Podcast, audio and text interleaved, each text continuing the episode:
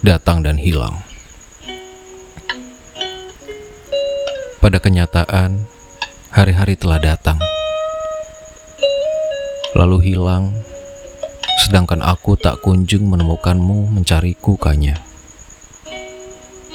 Aku terlambat menyadari engkau tak pernah menoleh ke belakang lagi. Aku tidak tahu apakah engkau bahagia atau menderita. Namun aku semakin paham sekarang. Engkau tidak pernah menoleh ke belakang. Mungkin engkau tidak meniatkan diri untuk menghapusku.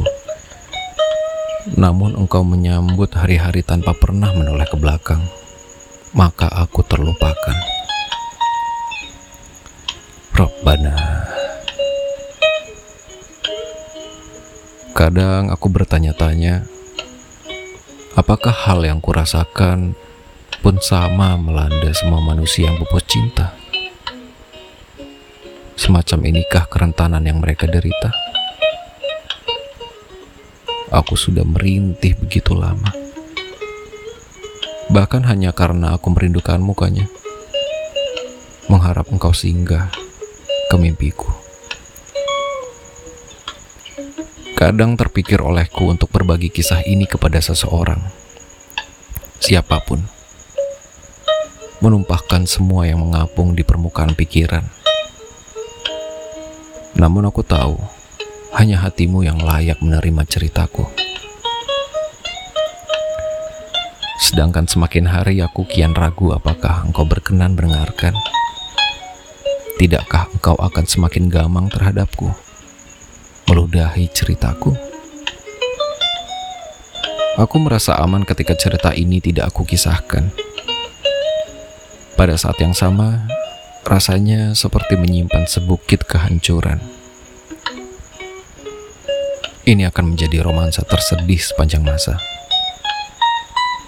Bahkan bukan kasih tak sampai, melainkan rasa yang tidak pernah terkatakan, haram untuk diungkapkan. Aku akan terus berkarya. Kanya, seperti yang kau pernah pesankan dahulu. Engkau tetap akan menjadi kampung halaman bagi semua rasa yang kubisikkan dalam setengah juta kata. Akhirnya aku paham bahwa aku tidak menghendaki sebuah pertemuan. Aku lebih mendambakan keterus terangan. Aku berharap engkau katakan meski kemungkinannya kian tidak ada. Aku tidak akan berhenti berdoa. Kelak engkau akan mengakuinya. Jika tidak, aku berharap agar hidupku lebih lama daripada umurmu. Agar kelak bisa ku ziarahi pusaramu, sebab aku tidak percaya engkau akan melakukan sebaliknya. Aku akan menemuimu dan bercerita kepadamu ketika engkau sudah tidak bisa lagi menjawabku. Semoga aku cukup beruntung mengalami itu. Kukisahkan kepadamu hari itu. Aku ada di dalam perut kereta api kelas ekonomi menuju Malang. Dan merasa nasibku mendadak begitu malang. Bangku tiga karcis berhadap-hadapan.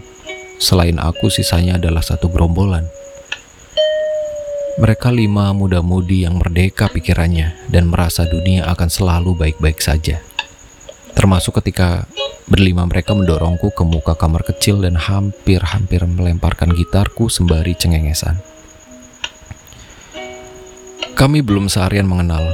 Aku tahu, hanya tahu bahwa mereka berlima adalah mahasiswa perguruan tinggi yang namanya tidak terkenal dan mereka kabur dari perkuliahan demi pendakian ke puncak Sindoro Sumbing.